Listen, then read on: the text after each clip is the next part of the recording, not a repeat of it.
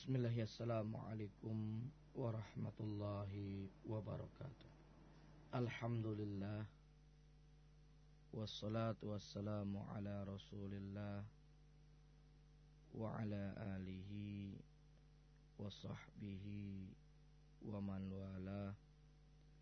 ولا حول ولا قوة إلا بالله. أما بعد. Saudara-saudaraku kaum muslimin di mana pun berada yang semoga senantiasa dirahmati dan dimuliakan oleh Allah Subhanahu wa taala. Setelah kita memuji syukur kehadirat Allah Subhanahu wa taala dan berselawat atas nabinya sallallahu alaihi wasallam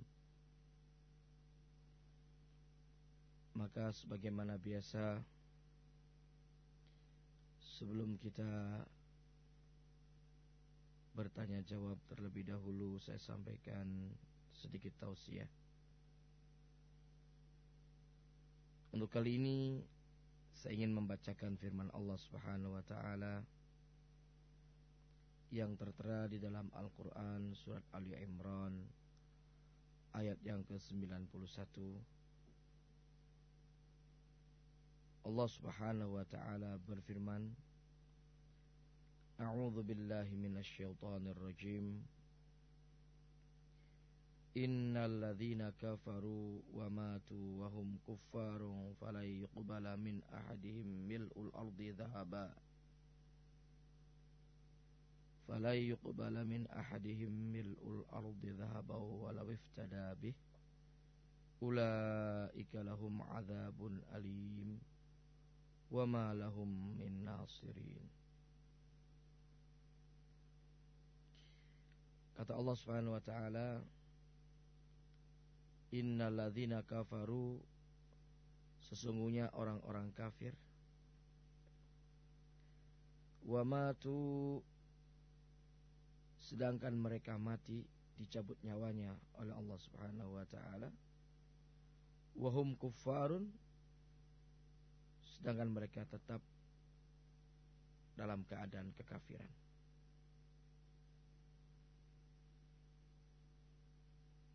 Orang yang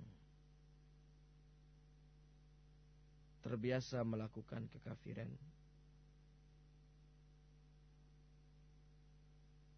maka pada umumnya Allah matikan dia dalam keadaan kafir.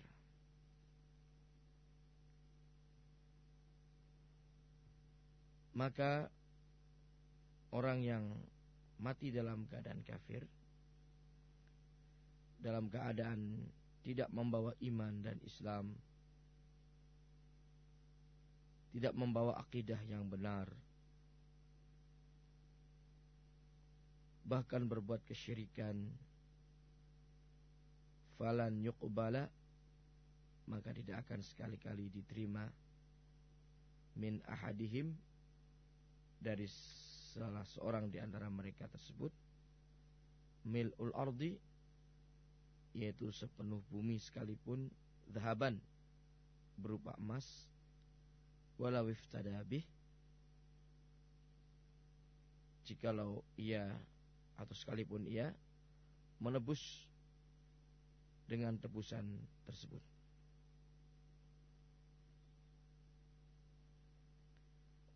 Orang-orang kafir yang mati dalam keadaan kafir belum sempat bertobat kepada Allah Subhanahu wa taala sampai akhir hayat berbuat syirik dan belum bertobat sampai akhir hayat maka orang tersebut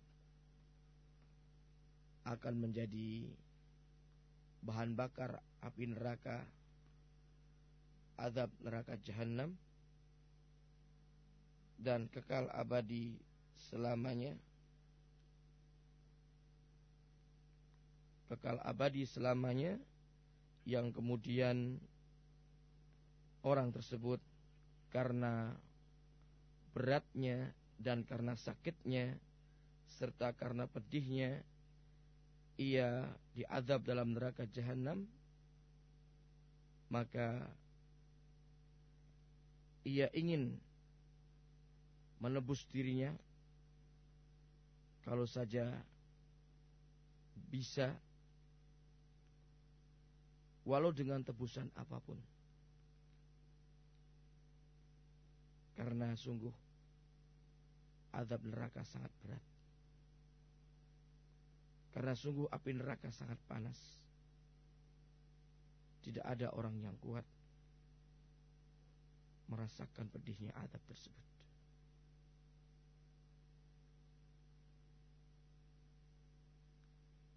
Maka dari itu Allah Subhanahu wa taala menyatakan kalau saja andai kata mereka memiliki emas sebesar bumi dan ini suatu hal yang mustahil. Andai kata beneran mereka memiliki emas segede bumi yang harganya tentunya sangat mahal sekali. Kemudian ia relakan untuk menebus dirinya. Asalkan dirinya keluar dari adab tersebut. Asalkan dirinya selamat dari adab tersebut akan tetapi tidak mungkin Allah Subhanahu wa taala menerima tobat atau menerima tebusan dari dirinya. Ulaika mereka-mereka orang yang seperti itu lahum bagi mereka azabun alim yaitu azab yang sangat pedih. wa ma lahum min nasirin dan tidaklah bagi mereka seorang pun penolong. Tidak ada yang bisa menolong orang yang diadab oleh Allah Subhanahu wa taala dalam adab neraka tersebut.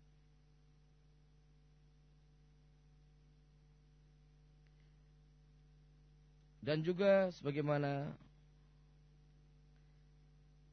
yang disabdakan oleh Rasulullah sallallahu alaihi wasallam di dalam hadis yang sahih yang diriwayatkan oleh Imam Bukhari dan Imam Muslim atau muttafaqun alaih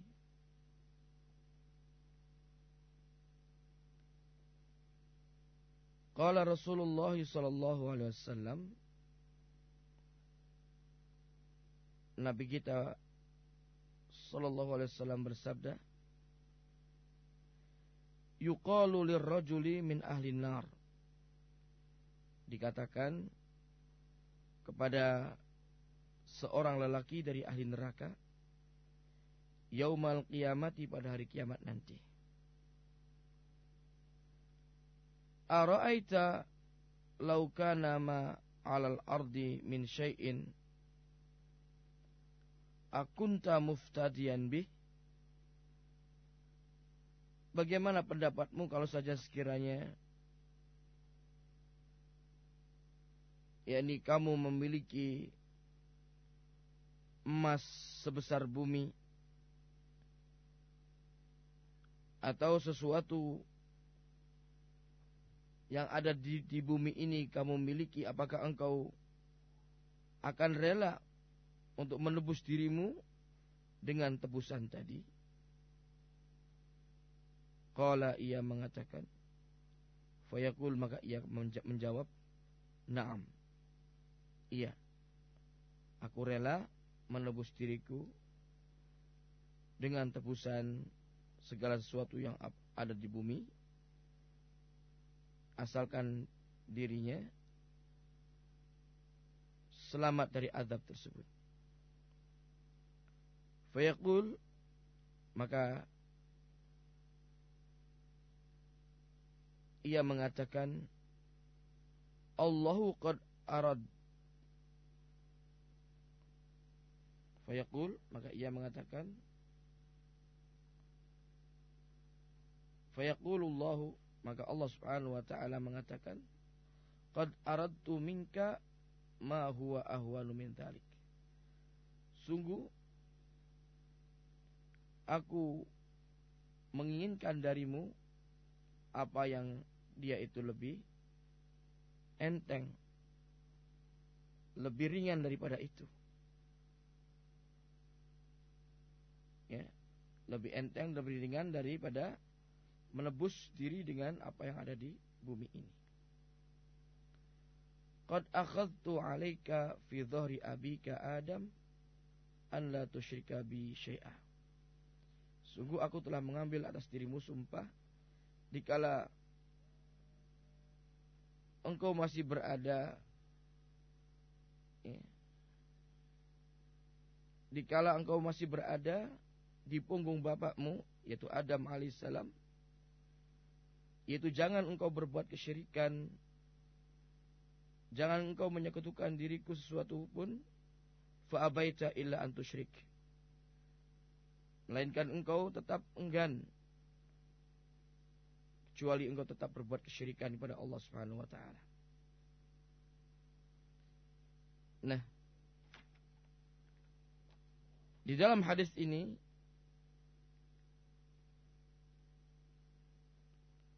Rasulullah Shallallahu Alaihi Wasallam menjelaskan bahwa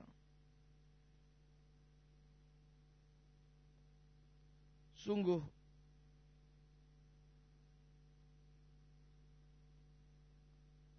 seseorang telah diingatkan oleh Allah Subhanahu wa taala dan juga oleh rasulnya agar betul-betul beribadah kepada Allah dengan sebenar-benarnya agar mentauhid, mentauhidkannya, mengesakannya dalam beribadah dan tidak menyekutukannya dengan suatu apa pun. Karena ini merupakan kunci keselamatan manusia. Agar selamat dari azab neraka dan bahkan masuk ke dalam surga. Kuncinya ada di ketauhidan dan tidak berbuat kesyirikan. Dan itu sebetulnya adalah sangat ringan dan tidak memberatkan. Namun sayang manusia enggan untuk mentaati Allah dan Rasulnya. Yang sehingga tetap berbuat kesyirikan dan mempertahankannya sampai ajal kematian datang kepadanya, maka sungguh merugi manusia yang seperti ini.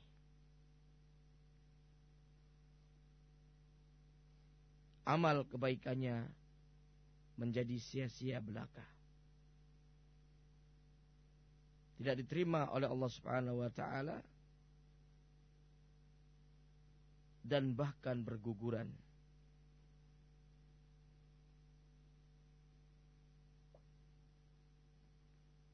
Di samping itu pula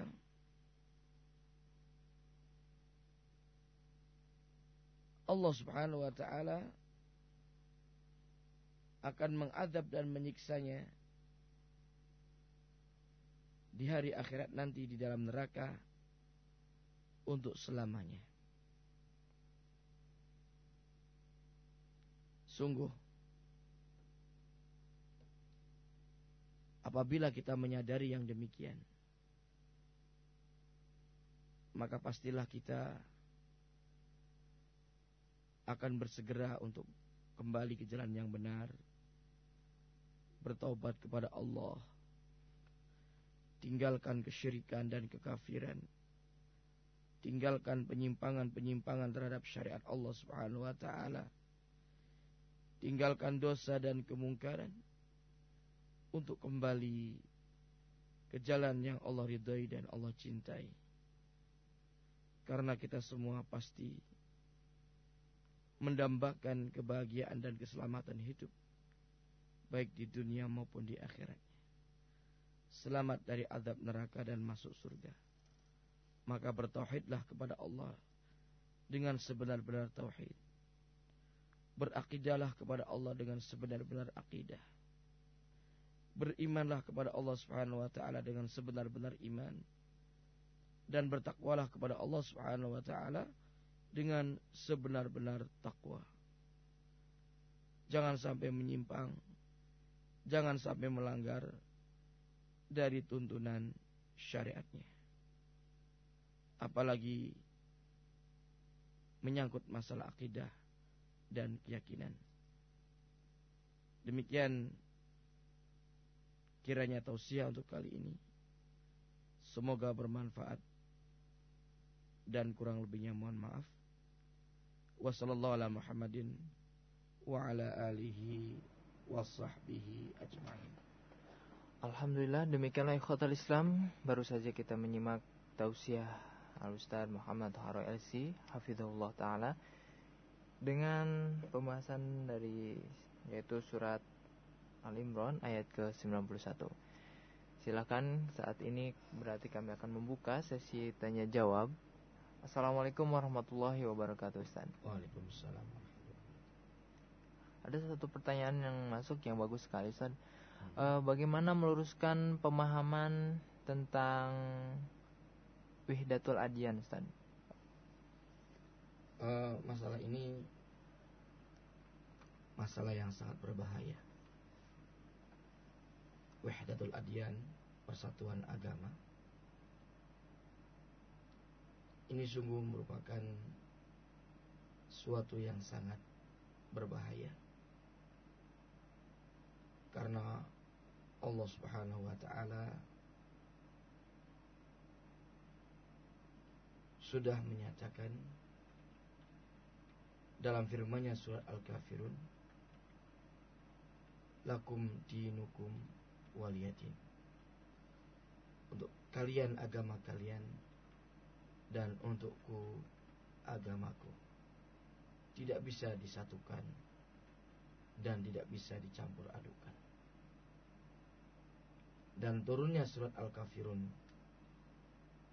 Sebagaimana yang kita ketahui bahwa di sana orang-orang kafir Quraisy dengan berbagai macam cara untuk merayu Nabi Muhammad Wasallam agar jangan sampai melanjutkan dakwahnya, agar jangan agar berhenti dari berdakwahnya. Maka banyak cara mereka untuk mencapai apa yang mereka inginkan itu. dan termasuk mereka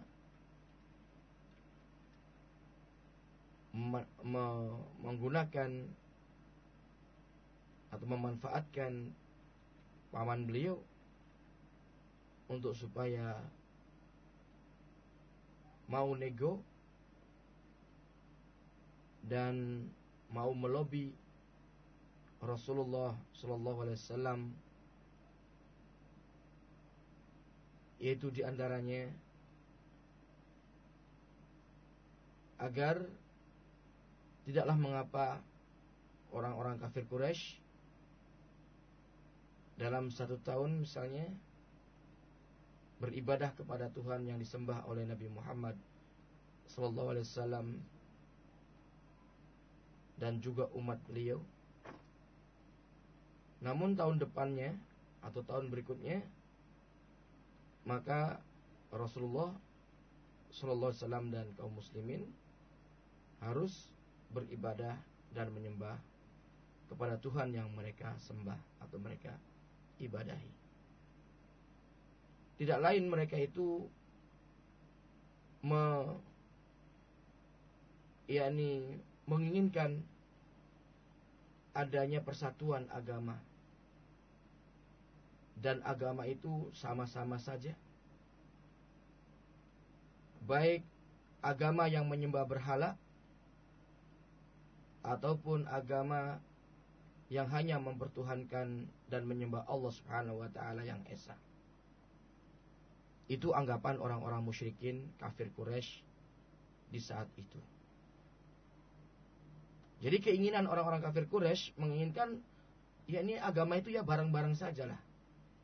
Ya, tidak mengapa sekali menyembah patung, tidak mengapa sesekali menyembah kuburan, tidak mengapa sekali menyembah Tuhan yang Maha Esa, tidak mengapa sekali menyembah Allah Subhanahu wa taala dan tuhan-tuhan yang lain itu adalah akidah dan pemikirannya orang-orang kafir Quraisy di saat itu.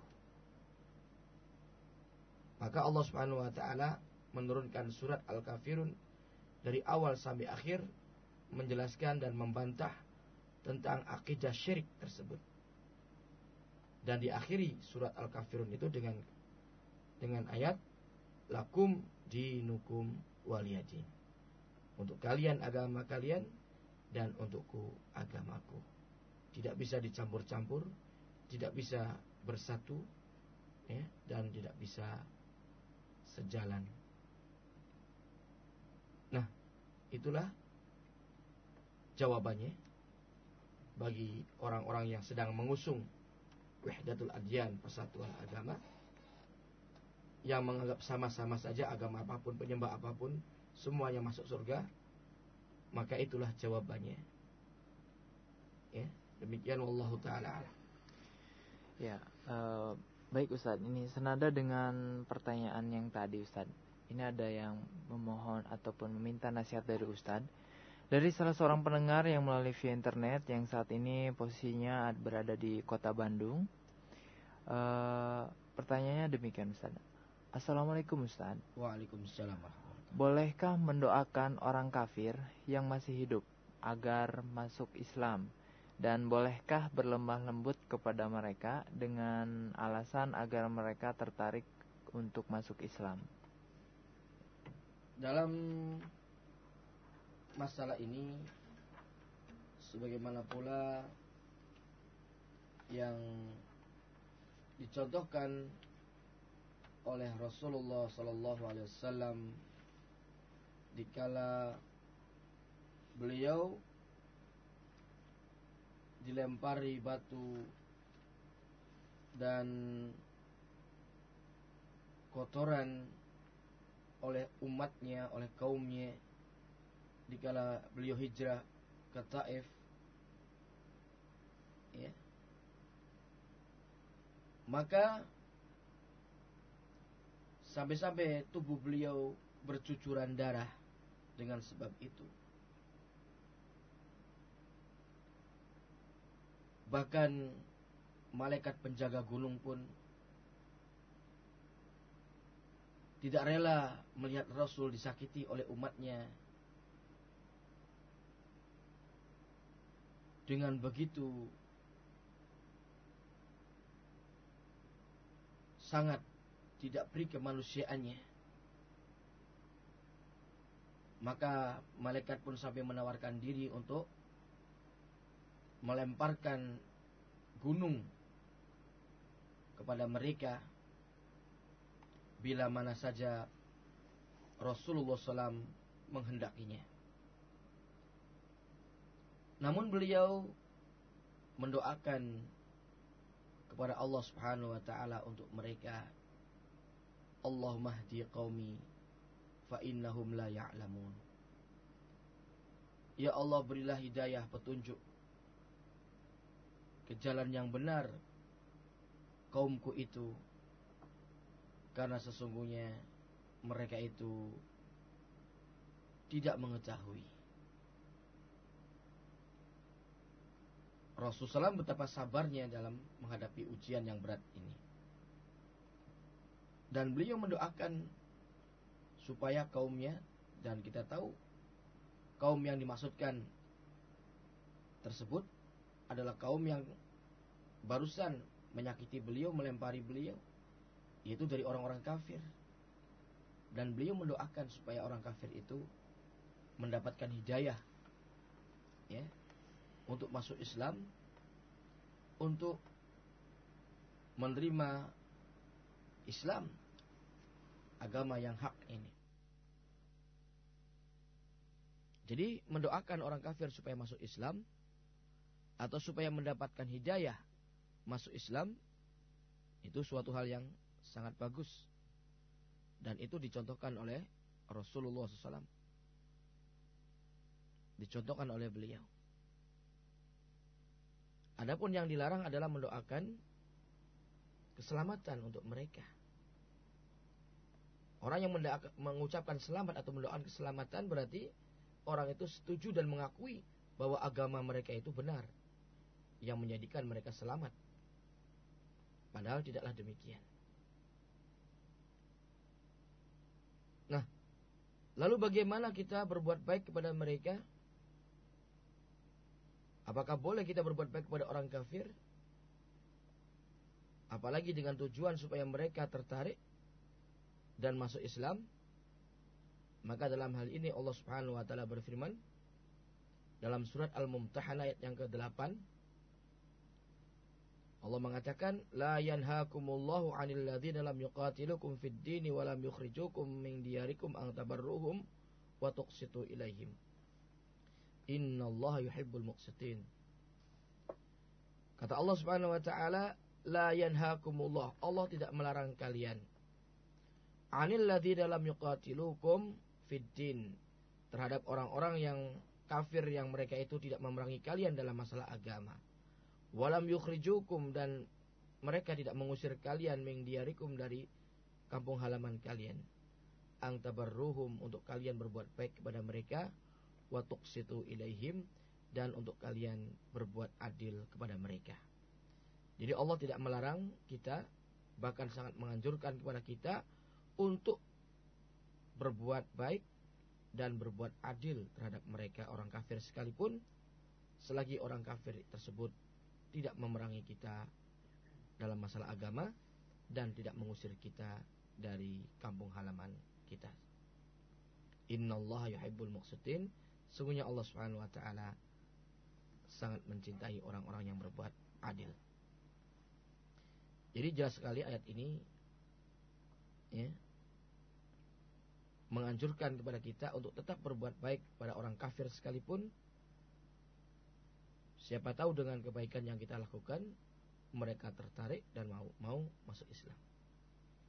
Namun tetap hati kita harus membenci terhadap kekafiran yang mereka lakukan. Namun kebencian yang ada di dalam hati kita tidak menghalangi kita untuk berbuat baik kepada mereka. Ya. Yang dilarang adalah kita tidak boleh mencintai mereka tidak boleh mencintai orang kafir. Kita wajib membenci mereka. Akan tetapi kebencian yang ada di dalam hati kita ini tidak menghalangi kita untuk tetap berbuat baik kepada mereka. Demikian wallahu taala. Ya, alhamdulillah pertanyaan yang kedua dari Mas Fitri Yanedi ya di Kota Bandung sudah dijawab oleh Ustadz dan berikutnya Assalamualaikum. Waalaikumsalam Pak Ustaz. Ya. Selamat malam. Assalamualaikum. Oh ya, Waalaikumsalam. Silakan langsung dengan Ustaz. Ya, saya mau bertanya Pak, apakah ada hadisnya gitu kalau malam Jumat kita tidak eh bukan malam Jumat ya, hari Jumat kita tidak berniaga. Dan yang kedua, ya. saya pernah sholat di satu masjid, imamnya itu tidak mengeluarkan suara jadi hanya Allahu Akbar terus diam gitu. Salat nah, apa ibu? itu harus bisa harus bagaimana gitu. Salat apa itu bu? Salat. Salat wajib. Umpamanya salat duha, salat asar begitu. Salat zuhur. Iya. Salat zuhur sama asar kenapa iya, nggak di? Salat zuhur sama asar pak. Oh iya, kenapa nggak dikeraskan gitu? Karena, ya, takbirnya maksudnya bu? Tak gitu. takbirnya apa al-fatihahnya? Al-fatihahnya. Oh iya. Al-Fatihah. Nah, itu harus bagaimana hmm. gitu? Meng, apa ikut imam, diem atau hmm. membaca Fatihah sendiri? Iya, iya, iya. Ada ya. dua pertanyaan saja, Pak. Iya. Ya. Assalamualaikum. Waalaikumsalam warahmatullahi wabarakatuh. Ya, pertanyaan pertama Ustadz.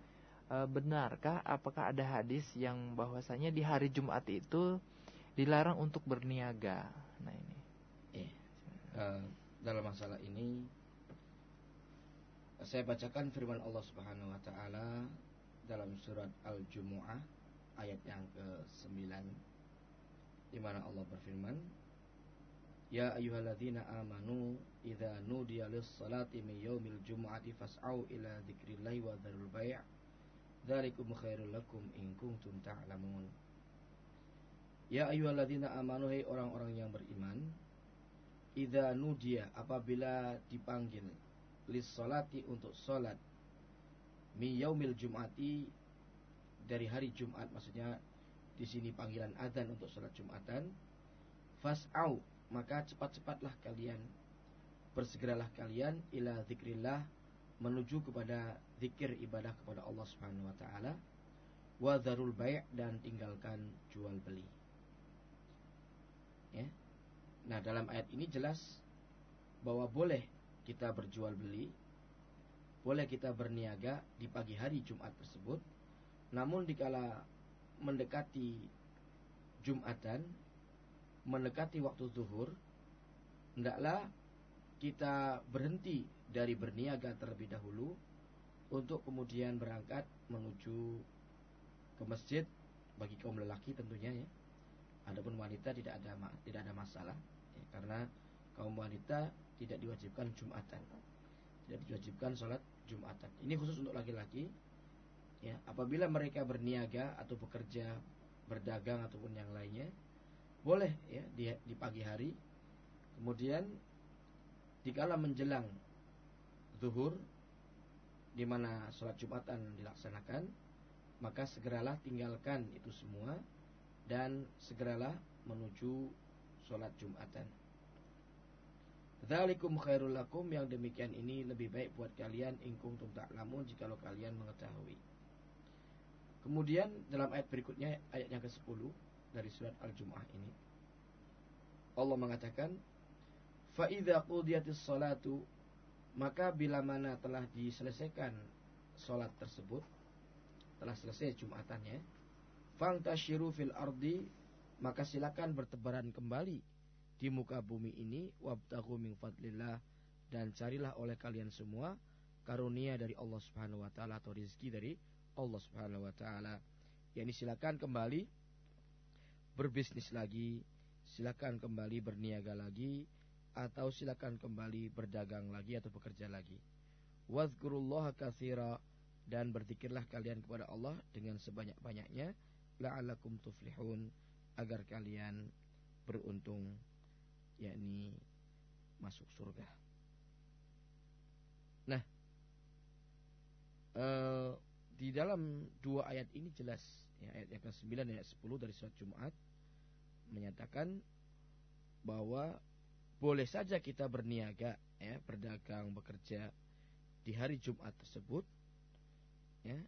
Namun Allah Subhanahu wa taala mengingatkan kita dikala menjelang zuhur di saat pelaksanaan sholat Jumatan akan dimulai maka hendaklah kita berhenti terlebih dahulu meninggalkan segala aktivitas ya yang ada ya kita tinggalkan dan kita semua kaum lelaki menuju ke masjid untuk sholat berjamaah Jumatan.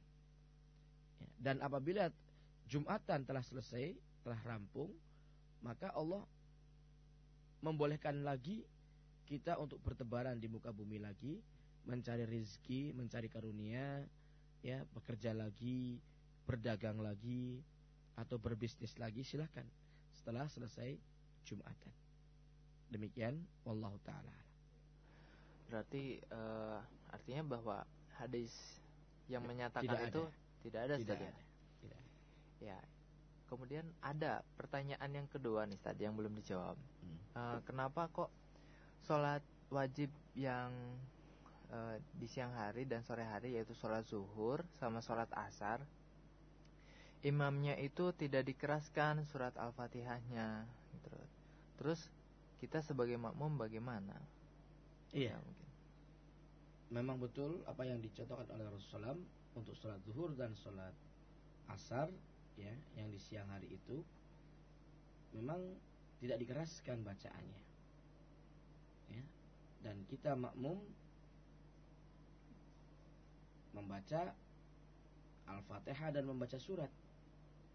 Ya, masing-masing membaca Al-Fatihah dan membaca surat dikala imam itu tidak mengeraskan bacaannya.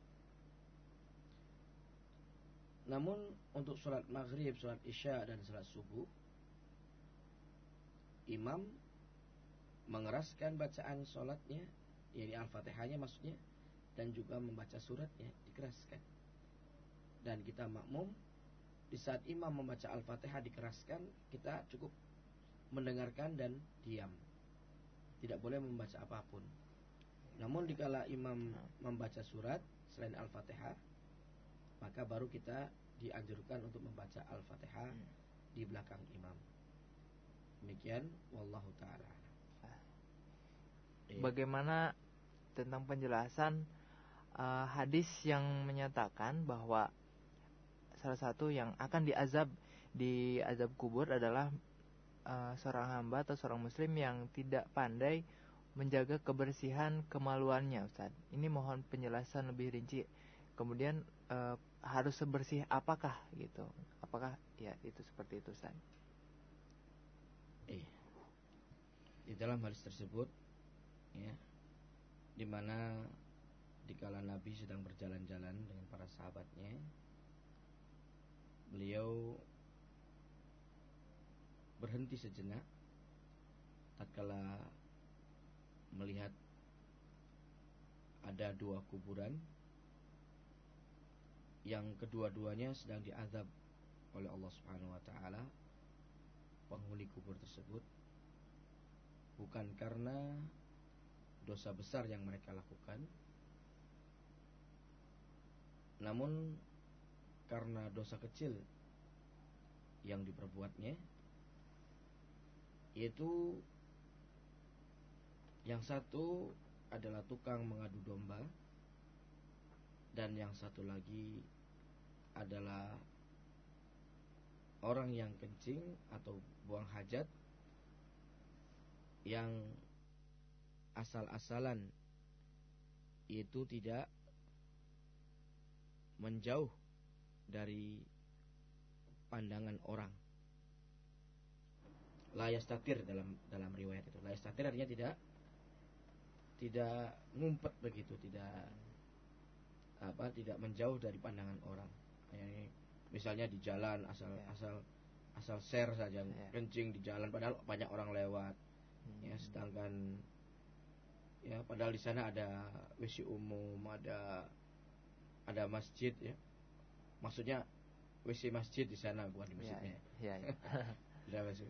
ya, tapi dia ya padahal membawa kendaraan pribadi misalnya yang memungkinkan untuk apa berhenti dulu di WC umum atau di di WC masjid ya dia enggak yang penting kencing aja di situ di ya di, di pinggir jalan yang ya.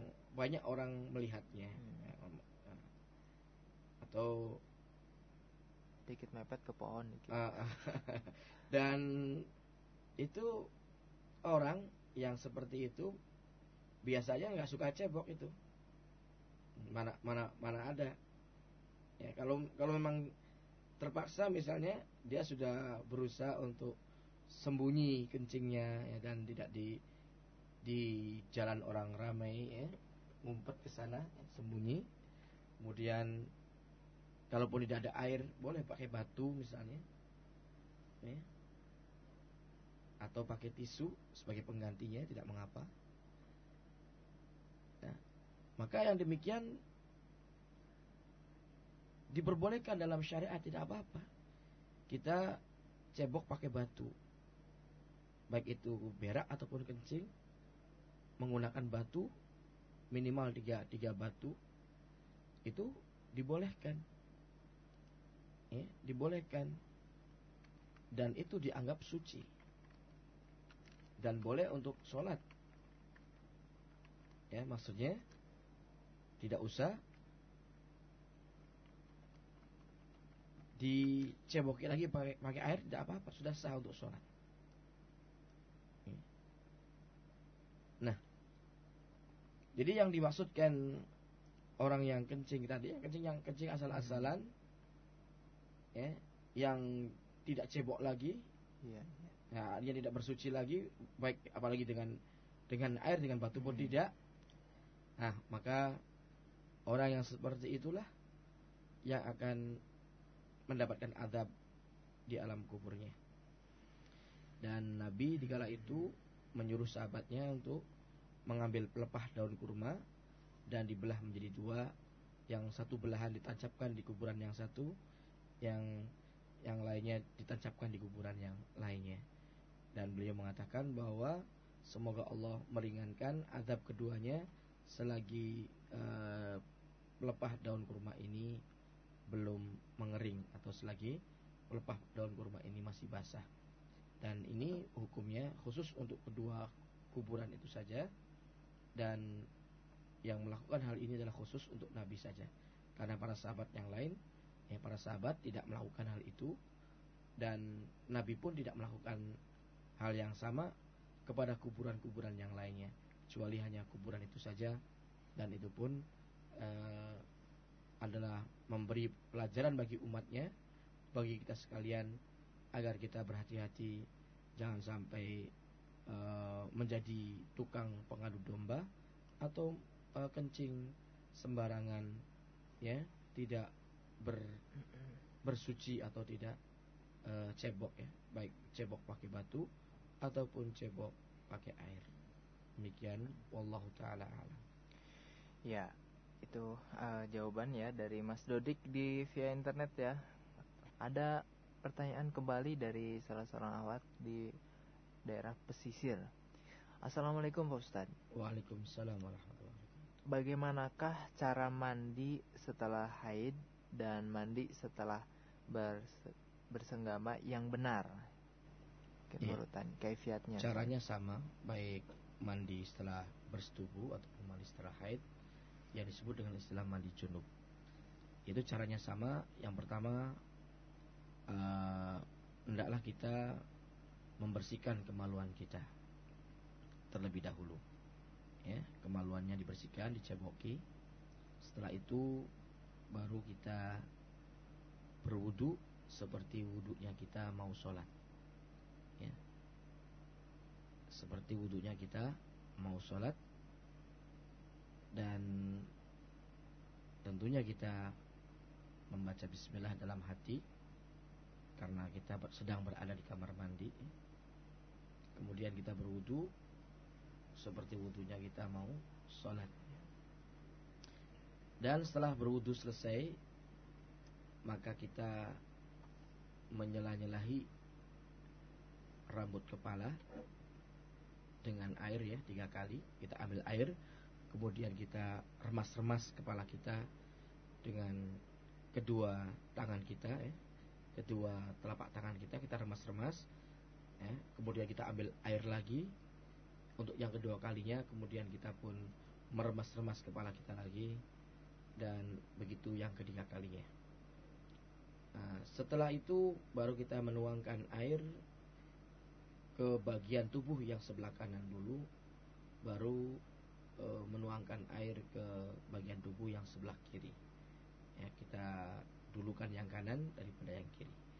Dan setelah itu baru kita menuangkan e, air ke seluruh tubuh, ya, dan diusahakan semuanya basah terkena air dan itulah cara mandi junub yang sesuai dengan tuntunan Rasulullah sallallahu alaihi wasallam. Wallahu taala.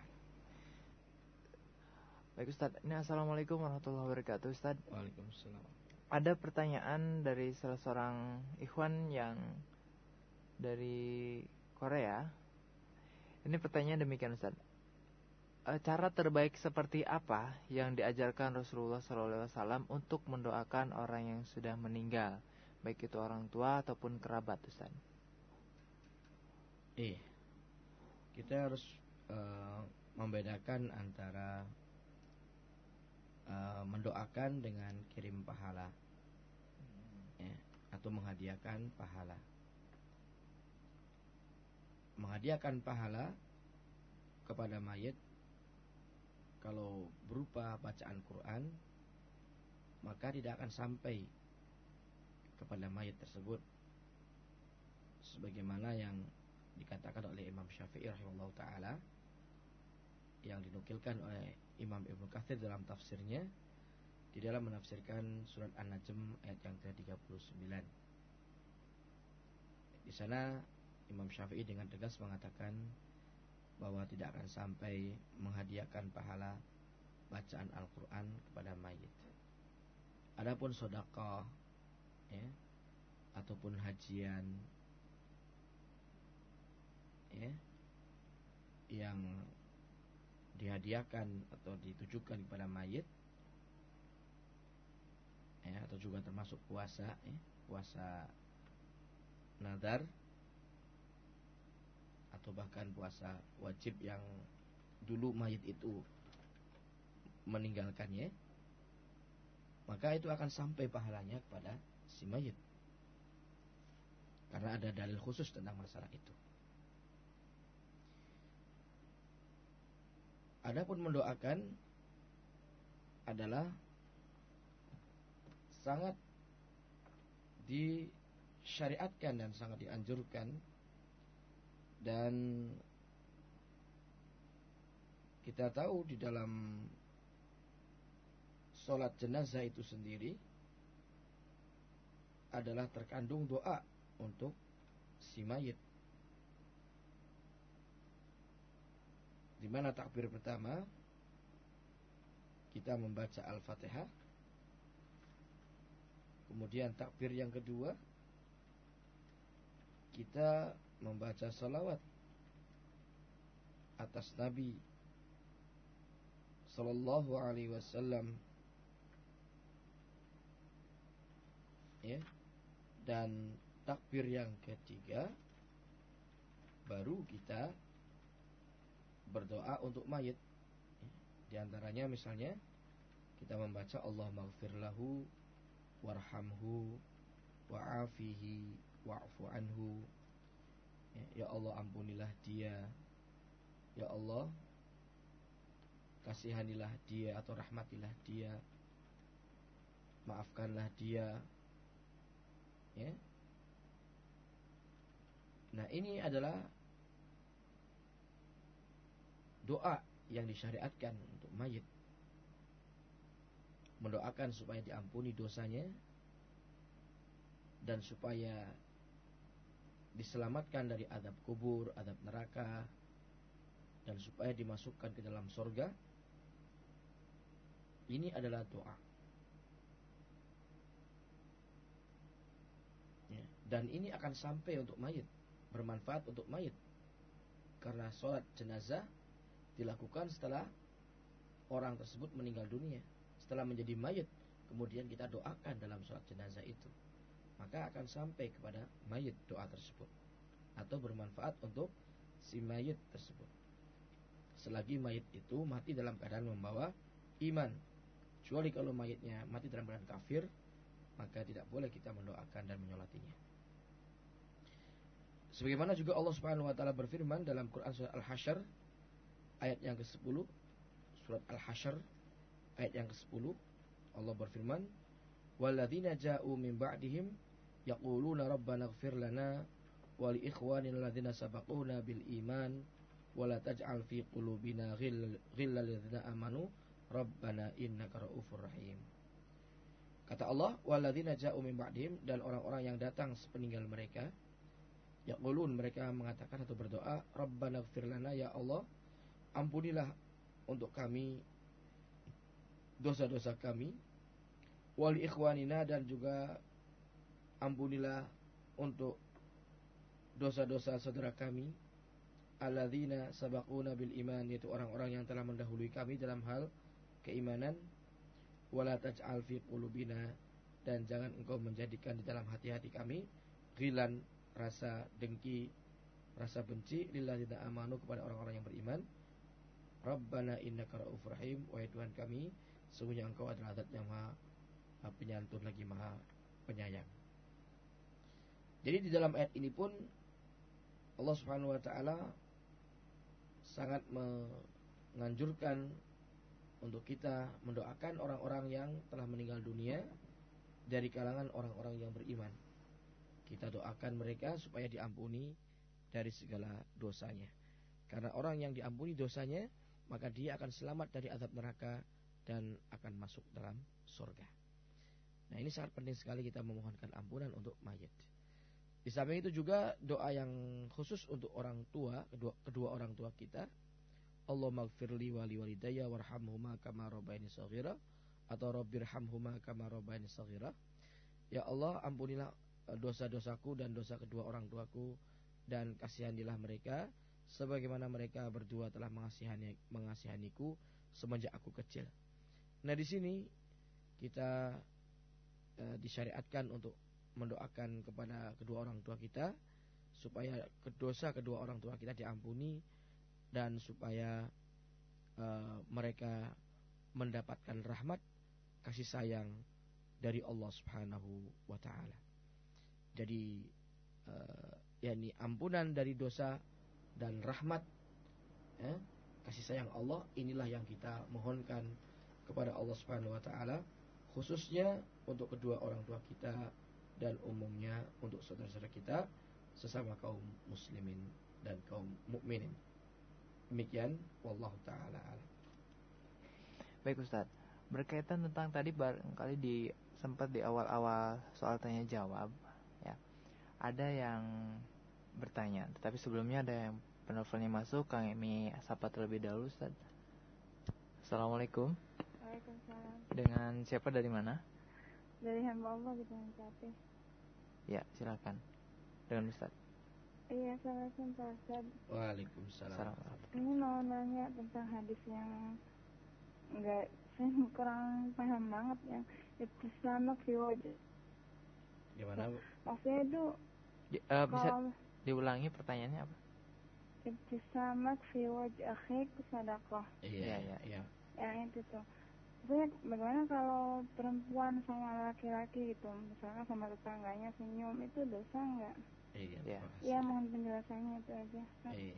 Ya, iya. Akhir. ya, terima Ya, silakan Ustaz. Iya. Memang betul ya kita dituntut untuk berbuat baik dan bahkan bersedekah. Ya. Dan di antara yang bernilai sedekah adalah kita yakni senyum dikala berjumpa dengan saudara kita ya tabassamuka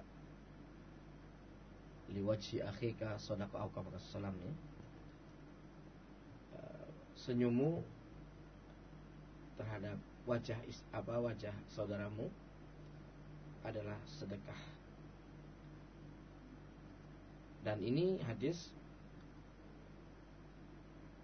berkenaan dengan lelaki Maksudnya lelaki dengan lelaki. Tabas semuka kak di sini domir anta. Kemudian liwaji akhika bukan uktika. Liwaji akh- akhika akhi juga akhun adalah lelaki. Jadi lelaki dengan lelaki bila berjumpa senyum ya maka itu termasuk sedekah. Ya, itu adalah bernilai sedekah. Asal jangan senyum sendiri aja, nggak ada apa-apa senyum sendiri. Hmm. Ya. Iya, tapi kalau bertemu dengan saudara sama muslim di samping mengucapkan assalamualaikum juga wajahnya berseri-seri ya wajahnya penuh dengan kegembiraan ya senyum. Ya, maka itu adalah suatu sedekah. Mengenai wanita apalagi wanita yang pakai cadar susah untuk senyum. Maksudnya nggak kelihatan senyumnya kalau wanita dengan wanita sama-sama pakai cadar susah senyum. Maksudnya nggak kelihatan senyumnya walaupun hakikatnya senyum misalnya nah wanita dengan wanita boleh bersenyum-senyum namun adapun wanita dengan laki-laki nah, jangan sampai ya. senyum karena nanti dulu. Nanti ditafsirkan lain Hah? ada penafsiran lain nantinya apabila wanita senyum sama laki-laki ini akan membuat hati laki-laki menjadi deg-degan. Atau apa? Sub namanya itu? Piar-piaran gitu. Artinya ada ada rangsangan syahwat yang sungguh sangat membahayakan. Kenapa? Karena lelaki apabila dikasih senyum sama wanita uh eh, ia merasa hmm. bahwa wanita itu yakni cinta kepada yeah. dirinya. Kayaknya suka. Atau suka kepada dirinya. Eh, nah ini berbahaya sekali. Maka untuk menghindari fitnah seperti itu, ya hmm. cukup senyumnya dalam hati saja. Biasanya cepat GR gitu kan. nah itulah GR-nya itu. Nah, jadi kita harus menjaga menjaga fitnah, ya. menjaga diri daripada fitnah. Ya. Maka mengucapkan salam pun ya tidak perlu kalau laki dengan perempuan di jalan misalnya ketemu hmm. ya mengucapkan salam bila mana uh, nanti mengkhawatirkan uh, jawaban salamnya itu atau ucapan salamnya tersebut ditafsirkan lain ya atau di ditanggapi atau menjadi penyebab dari terangsangnya syahwat uh, di antara lain jenis tersebut maka tidak usah salam pun tidak mengapa ya ya kecuali kalau memang aman dari fitnah ya kecuali apabila aman dari fitnah yang insya Allah taala tidak menimbulkan fitnah rangsangan syahwat ya, dalam masalah ini maka tentunya tidak mengapa tapi perlu diwaspadai dan hati-hati ya. Wanita dan lelaki apabila bertemu tersenyum ataupun mengucapkan salam bisa menimbulkan fitnah rangsangan syahwat lain jenis. Nah, ini yang perlu kita jaga. Demikian wallahu taala Ya. Berikutnya Ustaz uh, giliran dari via internet dari salah seorang ahwat yang berada di negeri yang jauh nun di sana. Ya, saat ini berada di luar negeri. Pertanyaannya demikian Ustaz. Ya, sebelum ke pertanyaan ada penelpon lagi yang masuk Ustaz. Kami sapa terlebih dahulu. Assalamualaikum. Ya. Dengan Bapak siapa? Dari mana Pak? Dari Abdul Joni Kepompong. Abdul Joni di Kepompong. Bisa dikeraskan sedikit Pak suaranya Pak? Iya, menyambung tadi doa tadi baca tentang untuk orang mati. Uh, apakah reaksikan orang-orang yang 10 hari, 7 hari, 100 hari, 7 hari itu Ustaz. Makan Assalamualaikum.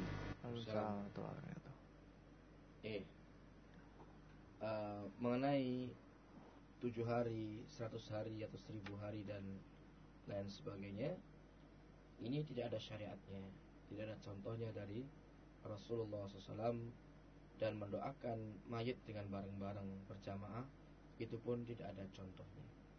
Maka doakanlah dengan seikhlas-ikhlasnya dengan tidak berjamaah atau masing-masing ya masing-masing mendoakan mayit jenazah ya dengan seikhlas-ikhlasnya. Dan kapan saja tidak diharuskan pada hari yang hari tertentu atau hari yang ketujuh atau hari yang ke seratus dan sebagainya. Tidak ada. Tidak ada syariat yang seperti itu. Doakanlah setiap saat. Doakanlah dengan tulus dan ikhlas. Dan doakan yakni dengan masing-masing. Tidak berjamaah atau tidak bareng-bareng. Karena berdoa dengan cara bareng-bareng seperti itu kumpul di uh, rumah duka kemudian berdoa bareng-bareng kemudian makan bareng-bareng itu termasuk niyaha niyaha itu adalah haram. Ya niyaha itu adalah meratap dan meratap itu adalah haram. Tidak boleh kita lakukan. Dan ini berdasarkan uh, pendapat dari imam empat madhab ya, semuanya mengharamkan perbuatan seperti itu. Dan bila pendengar penasaran ingin tahu uh, hujah-hujah imam yang empat kenapa mengharamkan acara yakni uh, kumpul-kumpul di rumah duka dengan mengadakan acara ritual tertentu ya maka silakan e, menghubungi Radio As-Sunnah. Nanti akan diberi bukunya ya tentang masalah itu. Ya tentang masalah itu. Dan saya lengkap dengan dalil-dalilnya dan diambil dari sumber kitab para imam yang empat madhab tersebut. Demikian wallahu taala alam. Ya berikutnya Ustaz ini menyambung pertanyaan yang sempat tadi terputus hmm. dari seorang akhwat di saat ini sedang berada di ya di luar negeri lah Assalamualaikum Ustaz warahmatullahi wabarakatuh. Waalaikumsalam. Ana hendak bertanya tentang hukumnya uh, mendapatkan uh, tentang hukumnya uang yang didapatkan dari para pekerja TKI ilegal atau yang kabur dari rumah majikannya. Pertanyaan ini mewakili rekan-rekan TKI di sini. Jazakallah khairan kasiron. Iya. Mengenai upah atau penghasilan e, eh, TKI yang kabur dari majikannya atau yang ilegal ya selagi pekerjaan yang dia kerjakan adalah pekerjaan yang tidak melanggar syariat maka upahnya adalah halal baginya tapi dia berdosa karena ilegalnya itu karena kaburnya tersebut ya uh, yang seharusnya dia selesaikan ya. dengan baik ya. baik secara aturan yang berlaku ya jangan sampai melanggar aturan tersebut apalagi telah merugikan majikan misalnya kalaupun misalnya ada sesuatu kezaliman dari majikan maka kita berhak untuk mengadu ya, mengadukan kezaliman atau kesewenang tersebut kepada petugas yang berwenang untuk menyelesaikan masalah tersebut. Jadi e, jangan sampai kabur begitu saja, melainkan harus kalau ada masalah selesaikanlah dengan cara yang baik-baik. Dan e, penghasilan yang didapatkan selagi pekerjaannya adalah halal, maka insya Allah tidak mengapa halal. Namun dia berdosa karena telah me, membuat ulah ya. Membuat ulah bagi majikannya dan membuat ulah bagi negara. Demikian Allah taala alam. Uh, tadi sempat ada pertanyaan dari SMS yang terlupakan tadi Ustaz berkaitan dengan di awal-awal pertanyaan tadi Ustaz berkaitan tentang sikap kita terhadap orang kafir Ya, ada pertanyaan dari salah seorang yang berada di salah, salah seorang bapak yang berada di kota Cirebon. Ya, ada telepon lagi yang masuk Ustaz. Ya, kami sapa lagi. Assalamualaikum. Assalamualaikum Pak Ustaz. Ya, Assalamualaikum Ini dari Sujono Pak Ustaz. Ya, iya. silakan. Dari Karanganyar, Cirebon. Ya, mangga. Mau tanya gini Pak Ustaz. Apakah dari orang Kristen masuk agama Islam dijamin masuk surga Nah, terus yang keduanya, ibu saya Kristen, sayanya Islam itu, dia mendoain yang enggak enggak gitu ya, yang doainnya enggak selamat. Apakah itu doa yeah. doanya apakah itu terkabul? Doain anak saya sebagai Islamnya tuh. Iya iya iya. Hanya itu aja Pak Ustaz. Assalamualaikum. Waalaikumsalam warahmatullahi wabarakatuh. Orang Kristen atau orang kafir masuk Islam asalkan Islamnya benar ikhlas dan sungguh-sungguh penuh dengan keimanan maka dia menjadi ahli surga. Eh, sebagaimana Nabi mengatakan al Islamu yahjubu ma qablah. Islam. Itu ya, meng, menghapus atau uh, atau menghajab yaitu menghapus apa yang sebelumnya dari kekafiran Ya, jadi orang yang tadinya kafir kemudian masuk Islam, otomatis ya dosa-dosa kekafiran yang dulu dia lakukan dihapuskan, dimaafkan oleh Allah Subhanahu wa taala. Dan kita tahu para sahabat Nabi dulunya juga orang-orang musyrik, orang-orang kafir. Ya, yang kemudian di kala mereka masuk Islam maka bahkan dijamin surga oleh oleh Allah Subhanahu wa taala. Ya. dan orang yang bertobat ya, juga diampuni dosanya oleh Allah Subhanahu wa taala, baik tobat karena dulunya kafir, dulunya musyrik, kemudian kembali kepada Islam, masuk kepada Islam, maka diampuni dosanya oleh Allah Subhanahu wa taala. Sebagaimana Allah firmankan dalam surat Al-Furqan ayat yang ke-70 Allah mengatakan illa man taba wa amana wa amila amalan salihah faulaika yubadilullah sayyiatihim hasanah.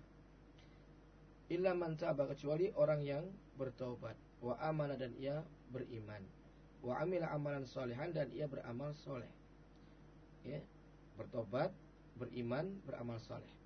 Faulaika maka mereka-mereka yang seperti itu yubadilullah sayyiatihim hasanat Allah akan menggantikan dosa-dosa mereka itu menjadi kebaikan-kebaikan jadi berubah menjadi kebaikan-kebaikan dosa-dosa yang telah lalu tersebut Allah ganti menjadi kebaikan-kebaikan dan pahala-pahala Wa kana Allah ghafurur rahimah dan adalah Allah Subhanahu wa taala yang Maha Pengampun lagi Maha Penyayang. Begitu juga Nabi kita bersabda, ya atta ibu minadan bika malatan bala. Au kama salam uh, orang yang bertobat dari dosa seperti orang yang tidak berdosa. Ya karena diampuni semua dosanya ya asalkan tobatnya adalah taubatan nasuha.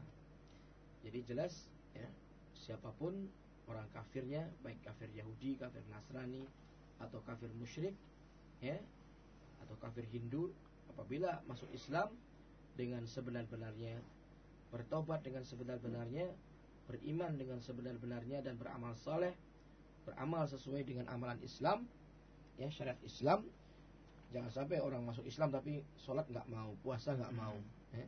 maka tidak ada manfaat ya tidak berguna masuk Islamnya itu ya. jadi syaratnya syaratnya adalah bertobat, beriman, dan beramal soleh. Artinya membuktikan keimanan yang ada pada dirinya dengan amal soleh. Dengan berbuat yang sesuai dengan tuntunan syariat Islam.